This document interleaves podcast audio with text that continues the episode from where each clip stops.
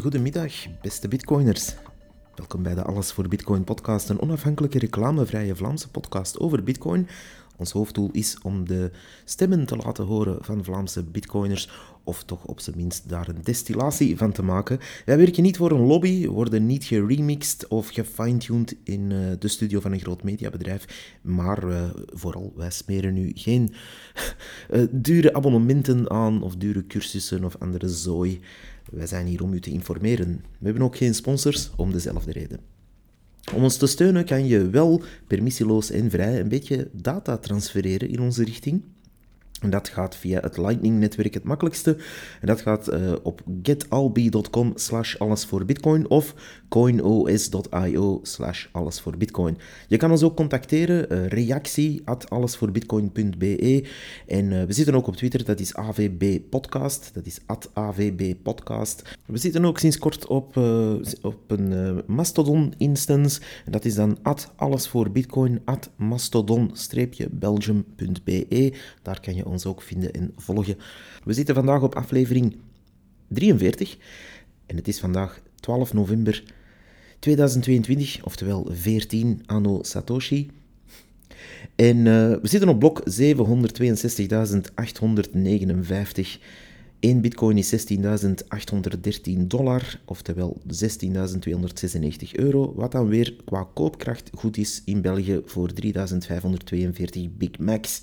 Deze aflevering van Alles voor Bitcoin is eh, speciaal gemaakt voor nieuwe mensen, dus uh, wees welkom, nieuwe luisteraars.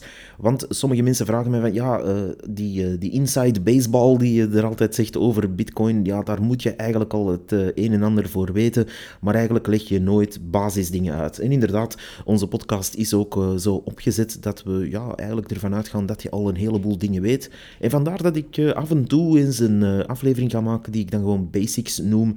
En daar gaan we basisdingen uitleggen. Dus een kleine dienstmededeling. De gevorderde mensen die al jaren met Bitcoin bezig zijn, die gaan hier misschien minder aan hebben. Al is het soms wel eens nuttig om wat basics terug op te frissen. Of tenminste nog eens uh, herhaald te zien. We gaan er meteen aan beginnen. Um, u hebt natuurlijk als nieuwkomer uh, deze podcast beginnen beluisteren om iets bij te leren. Proficiat dus. U hebt dus de eerste stap gezet om uh, toch iets meer te weten te komen over Bitcoin buiten wat de mainstream media in uw oren blaast. En uh, dat al jaren, jaren vanuit een uh, vrij eenzijdige, of toch naar onze mening super eenzijdige uh, manier doet. Want uh, ja, je hoort nooit eens een pro-bitcoiner in het nieuws. En dat heeft ook zo zijn redenen natuurlijk, want daar kunnen ze weinig centjes aan verdienen. Uh, het is natuurlijk uh, weinig nuttig om iemand pro-bitcoin op televisie te laten een uitleg doen dan langer, die langer duurt dan een minuut, als je natuurlijk mensen van allerlei andere zever kan wijsmaken waar je wel aan verdient. Een, een boek van een journalist dat uitkomt, of uh, weet ik veel wat voor uh, firma die zich in de kijker wil lopen te gaan promoten. Dus uh, daarom hoor je daar weinig van, omdat er gewoon ook weinig mensen pro-Bitcoin aan het woord worden gelaten. En dat is belangrijk dus dat je daar ja, ook eens een andere kant hoort, vandaar deze podcast. Iemand die pro-Bitcoin is, die weet dat het een basisrecht is op waarde en in handen hebben van die waarde, maar we gaan eigenlijk proberen hier wat meer uitleg aan te geven in tegenstelling tot de euro of de dollar, uh, wat wij dus zogenaamd fiat noemen, uh, overeenkomstmunten, meestal van nationale staten of van unies, zoals de Europese Unie. En dat uh, die steeds een vertrouwen in een staatssysteem of bedrijf of centrale bank gaan vereisen. Wij zitten hier in Europa met de euro en wij vertrouwen er allemaal op dat onze vroegere Belgische franken en onze guldens en onze Duitse mark, dat die allemaal zijn opgegaan in die euro op een eerlijke manier. Hoe dat precies is gegaan, daar gaan we ooit misschien wel eens op in, want dat is ook zeer interessant. Maar uh, die eengemaakte munt van al die centrale banken heeft dus nu onder de uh, voogdij van de ECB, de Europese Centrale Bank, een euro gecreëerd. En die aanvaarden wij allemaal uh, wanneer je naar het café gaat of wanneer je naar de bakker gaat of betaald wordt. Dan krijg je dat in euro's, toch meestal. En dan gaan we er allemaal vanuit dat 1 euro ja, de koopwaarde van 1 euro heeft. Al schommelt dat wel eens een beetje, maar zeker met de inflatie. Maar we gaan er allemaal vanuit dat ja, ook iemand anders euro's aanvaardt, omdat dat nu eenmaal een consensus is. Die consensus is deels uh, vormgegeven doordat wij dat aanvaarden, wij als zijnde de burgers in onze systemen. In onze systemen, ja, dat wordt dan weer vertaald door politiek, door parlementen enzovoort. Dus die overkoepelende systemen hebben eigenlijk gezegd van kijk, we maken de euro en dat is nu onze munt, onze fiat-munt. Dat is eigenlijk een overeenkomst. Zoals ja, alle geld altijd een overeenkomst is geweest, dat is nu eenmaal de definitie van geld. Bitcoin is daarmee eigenlijk een, ja, een, vergelijkbaar met vrijheid. Een vrijheid uh, waar veel media totaal de lak aan hebben, blijkbaar, maar waar ook Ehm, niet per se een vertrouwd, oud, gediend verdienmodel aanhangt. En die, die vrijheid staat ook los van staten. Eh, er wordt vaak gezegd dat Bitcoin eigenlijk, zoals er destijds kerk en staat werd gescheiden, ook het geld en de staat gaat scheiden. En dat is, uh, dat is een mooi principe op zich, omdat het dan geld van de mensen is en uh, ja, nog meer wordt. De eerste vraag die ik dan meestal krijg is: wat is Bitcoin eigenlijk? En het antwoord geef ik meestal niet met opzet, uh, zeker niet wanneer men een one-liner verwacht, uh, omdat die vraag zelf al meteen een soort van vooroordeel inhoudt. Een vooroordeel waarbij er vanuit wordt gegaan dat Bitcoin effectief te definiëren is met één uh, catchy slagzin of één vergelijking. En wat men dan meestal doet, is ja, daar toch één slagzin opkleven. En die slagzin is dan één van de vele eigenschappen van Bitcoin. Eh, je kan bijvoorbeeld zeggen, ja, bitcoin is tijd, of bitcoin is een uh, beveiligd netwerk. Ja, daar zitten allemaal waarheden in, maar dat uh, omhelst natuurlijk niet wat bitcoin is in vergelijking met wat dan ook. Dus men verwacht daar altijd een mooie vergelijking, een one-liner. Zo van, ja, zeg nu eens, wat is bitcoin? En ehm, die vergelijkingen zijn allemaal mank. Dat is het probleem nu net. Uh, sommigen zeggen dan, ja, het is peer-to-peer cash, of het is uh, digitaal goud, of het is, uh, het is een digitaal betaalnetwerk. En dat is allemaal fout, maar ook allemaal een stukje waar natuurlijk. Want bitcoin staat op zichzelf. En dat is nu net het, het mooie, maar ook het triestige, wanneer men uh, echt verwacht dat je een catchy one-liner geeft, ja, dan moet ik uh, u teleurstellen, want dat is niet. Uh, Bitcoin is net iets ingewikkelder dan, ja, dan eventjes zeggen, ja, het staat hierop en ik heb hier één kort zinnetje. Wat natuurlijk het moeilijk maakt om mensen te gaan overtuigen van, hey, kijk, begin dat eens te gebruiken. Want men, ja, men is zo gebrainwashed bijna om alles te gaan in een hokje duwen ah, is het zoals brood? Is het zoals goud? Is het zoals olie? Dus men, wil het eigenlijk gaan definiëren in iets heel kort en in een keurslijf dwingen, want ja, men wil daar een marketing op kleven of men wil daar een term op kleven. Dus dat is een beetje het probleem dat ik hier probeer uit te leggen. Um, Bijvoorbeeld, op dezelfde manier kan je ook naar aardolie kijken. Je kan ook niet zeggen, ah, leg eens uit, wat is aardolie? Ja, het is een beetje als water, maar eh, een beetje dikker en zwart. Tja, je hebt gelijk, maar ook ongelijk. Het is iets ja, vloeibaars, is een pure vorm en het is natuurlijk uh, niet zoals water helemaal, maar je, je kan daar proberen een definitie op te kleven, maar dan moet je ook gaan zeggen, ja, voor wat wordt het allemaal gebruikt, wat zijn de chemische eigenschappen daarvan, enzovoorts enzoverder. Mensen zijn vaak dus op zoek naar een snel labeltje om ergens op te kleven. Dat doen ze trouwens met alles, niet alleen met bitcoin. En dat is eigenlijk ten einde uh, iets beter te begrijpen. En dat is ook zo, omdat we gewoon, dat gewoon zijn gemaakt als mensen. Dus we zijn maar allemaal mensen. En wanneer ik dan toch een definitie op Bitcoin zou moeten kleven, uh, voor de mensen die zulks absoluut willen in deze aflevering, um, heb ik inderdaad een definitie opgebouwd doorheen de jaren. Een deel komt van uh, bijvoorbeeld Andreas Antonopoulos, een deel van Tone Vays, een deel van Chris DeRose en een ander deel gewoon van mezelf en van uh, andere mensen uit de Bitcoin community. En ik ga die gewoon voorlezen en het is natuurlijk geen one-liner. Wat had u gedacht? Dus met andere woorden, hier gaan we. Even een slokje water drinken voor ik eraan begin. Oké. Bitcoin is een netwerk waar je een eenheid van waarde kan gebruiken als een toepassing. Dit alles zonder een centraal controleorgaan. In het Bitcoin-netwerk kan waarde van en voor de mensen opgeslagen, verplaatst en bewaard worden.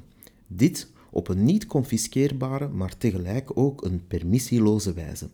Bitcoin kan op zich niet in beslag genomen worden of gecensureerd. Het is bovendien niet onderhevig aan slijtage of verval, het is deelbaar, inwisselbaar en de schaarsheid is transparant bewijsbaar. De vastgelegde inflatie tijdens de verdeelfase, die overigens nog steeds loopt, van Bitcoin is wiskundig versleuteld. Alle eventuele veranderingen moeten in consensus gebeuren tussen de onderhouders van het netwerk en haar deelnemers. Het netwerk past zichzelf ook aan in zaken wiskundige moeilijkheidsgraad voor het verdelen van beloningen aan de miners. De beveiliging van het netwerk en het platform wordt gegarandeerd door encryptie en het geverifieerd werk van digitale getuigen en gebruikers die elkaar niet hoeven te vertrouwen. Als gebruiker en deelnemer of miner of node heb je steeds controle via je eigen sleutels. Deze verantwoordelijkheid over je sleutels ligt volledig bij de gebruiker, niet bij derden. Er moet echt werk dat een kost teweeg brengt, plaatsvinden en aangetoond worden om te bewijzen dat er waarde is gegenereerd. Met andere woorden, Bitcoin is een manier om geld in haar oorspronkelijke betekenis los te wrikken uit de wurggreep van centrale banken en natiestaten. Bitcoin is de wiskundige garantie op permissieloze vrijheid van en voor de mensen. Bitcoin is met andere woorden ons geld in haar meest perfecte vorm, waar tijd, lange termijn denken, voorspelbare inflatie, consensus elkaar ontmoeten en op een digitale, veilige en permissieloze manier kunnen gebruikt worden. Dat was uh, mijn definitie van Bitcoin. Dat is dus een definitie die niet lekker bekt en niet echt op een bumpersticker kleeft. Um, en ja, al zeker niet in vijf seconden iemand overtuigt. Dat weten we allemaal. Want je moet er even over denken. En dat is waar vaak het uh, heel fout loopt, denk ik, in heel veel concepten uitleggen. Men wil het allemaal versimpelen, men wil het allemaal kleuterachtig brengen. Een, een one-liner, iets catchy van maken. En... Um, en dat is ook soms nodig. Hè. Je kan bijvoorbeeld die, die beroemde uitspraak: Not your keys, not your coins. Uh, ja, dat is waar en daar sta ik ook helemaal achter om die uh, regelmatig te gebruiken, zeker wanneer er uh, exchanges left en right neergaan. Dus dat is natuurlijk wel tof om te weten en dat is ook een core principe van Bitcoin natuurlijk, dat je uw keys hebt voor uw eigen waarde. Um, maar ja, die definitie van Bitcoin zelf, die gaat eigenlijk ook uh, vrij ver om dingen te gaan uitleggen. Want je kan er moeilijk zaken uitlaten, zoals permissieloosheid. Tja, uh, heel veel mensen haken dan af van oei, dat is allemaal zo moeilijk als je er echt niks van kent, is dat soms heel moeilijk om daarin te gaan duiken. Maar het zijn wel allemaal heel interessante concepten om uh, te leren kennen. Want uh, we worden er in ons dagelijks leven, ook al ben je zelf geen bitcoiner of nog geen bitcoiner, uh, in ons dagelijks leven speelt dat wel mee. Hoe vaak is het niet dat u permissie moet gaan vragen aan een bedrijf of aan een overheid om iets te mogen doen? Of om uw geld te mogen uitgeven. Ik had vandaag nog zo'n incident, ik wil dat toch even vertellen. Ik heb bijvoorbeeld met mijn gewone uh, ja, bankkaart met euro's, uh, heb ik ergens betaald en uh, op een of andere manier is er twee keer dat bedrag afgegaan. Dat zijn allemaal zaken van, ja, hoe kan dat zonder mijn permissie te geven zomaar geld van mij afnemen? Ja, blijkbaar is, zit er daar een mogelijkheid en dan moet je dat weer gaan proberen goedmaken. Dat soort zaken, ja, je wordt wel elke dag geconfronteerd met die permissieloosheid. En wat er achterin gaat gebeuren met ons geld, en dan bedoel ik euro's, hier in Europa, ja, is ook niet zo fraai, waar men dan eigenlijk openlijk al zegt van, kijk, we, gaan het, we gaan het limiteren. We gaan nu zeggen dat u maar bijvoorbeeld per transactie 5 50 euro mag uitgeven met die CBDC digitale euro, ja, er komt wel wat verandering aan. Dus ook al bent u geen bitcoiner en moet u er misschien niks van weten omdat u heel veel HLN hebt gelezen of zo, en, uh, of naar Paul luistert, god betert, en dan wilt u er allemaal niks van weten, maar dan nog zit u met dezelfde problemen Namelijk dat uw geld niet meer uw geld zal zijn, vroeg of laat. En dan gaat u vanzelf na moeten denken over concepten als bitcoin, omdat er, ja, er is weinig alternatief. We kunnen moeilijk met gouden munten terug beginnen rondzeulen om uh, ja, iets te betalen. Als u bijvoorbeeld een uh, fietshelm wil gaan kopen of een, uh, ik zeg maar iets, of een nieuw zwembad wil laten aanleggen in uw tuin, ja, je kan moeilijk met gouden muntjes betalen natuurlijk. Dus, en gaan we daarmee betalen met bitcoin? Ja, niet meteen. Zeker niet hier in België, waar men een beetje ja, achter staat op dat punt. Maar goed, er zijn wel wat concepten aan het schuiven over hoe wij allemaal naar geld kijken. En het is wel eens interessant om daarover na te denken, los van bedrijven die u een of andere richting willen uitsturen. En er zijn ook de andere kant van de bedrijven, bijvoorbeeld bepaalde verzekeringsfirma's die hun eigen industriële blockchain-stuff hebben, ja, niet uitgevonden, maar gekopieerd. Um, ja, en die willen nu dan weer een hele andere richting uitsturen om uh, hun coins en uh, hun tokens te gaan gebruiken voor van alles. Dus die ehm, volgende stap die we dan meestal uh, zien is, de eerste vraag is eerst, wat is bitcoin? Ik heb nu die definitie gegeven. En ook al snapt u die definitie als totale leek niet 100%, als u die beluistert, gaan daar elementen uh, in zitten waar u meer kan over opzoeken en waar u zelf oh, ja, over kan denken. En dat is gewoon interessant. Zo begint iedereen aan uh, Bitcoin eigenlijk, om gewoon even over een aantal concepten na te denken. En dat is ook het mooie. U kan over Bitcoin leren zonder ook maar één cent uit te geven of zonder ook maar één cent erin te hoeven steken. Hebt u geen centen om uh, te beleggen of om te sparen of om Bitcoin te kopen? Dat is fijn. U kan er perfect over leren zonder geld te moeten uitgeven. En u moet daar dus geen dure cursussen voor kopen of uh, bij een of andere fake BV een, uh, een, webinar volgen. Dat hoeft allemaal niet. U kan dat gewoon gratis en voor niks doen. Uh, hoe kom je als complete leek aan Bitcoin? Is dan meestal de volgende vraag. Daar gaan we volgende keer op in bij de volgende basics ja, les, zal ik maar zeggen, of basics aflevering. In het heel kort kan ik al wel zeggen dat je uh, voor Bitcoin, net zoals andere waarden, kan gaan werken of uh, zelf iets gaan aanbieden dat u kan doen. De oude ruilhandel gaat daar ook natuurlijk, maar u kan het natuurlijk ook gewoon kopen op een exchange of op een andere manier. Op die uh, zaken gaan we volgende keer meer in, maar al wat u daar eigenlijk voor nodig hebt, is ofwel een Bitcoin wallet ofwel een Bitcoin wallet die ook Lightning aan kan. De twee zijn goed. Dat gaan we allemaal uitleggen volgende keer. Lightning heb ik uitgelegd in uh, episode 31. Daar kan u alvast uh, ja, die wallet of Satoshi downloaden om mee te beginnen, of Moon Wallet of Phoenix. Uh, de drie hebben alle drie grote voor- en tegenstanders. Dus ja, ik zou zeggen, kies er maar zelf een dan. Maar de, in die episode 31 leg ik dat verder uit. Dit was episode 43, waar ik de Bitcoin Basics ga uitleggen met een definitie. Volgende keer gaan we dan uh, erop verder hoe u aan uh, Bitcoin komt.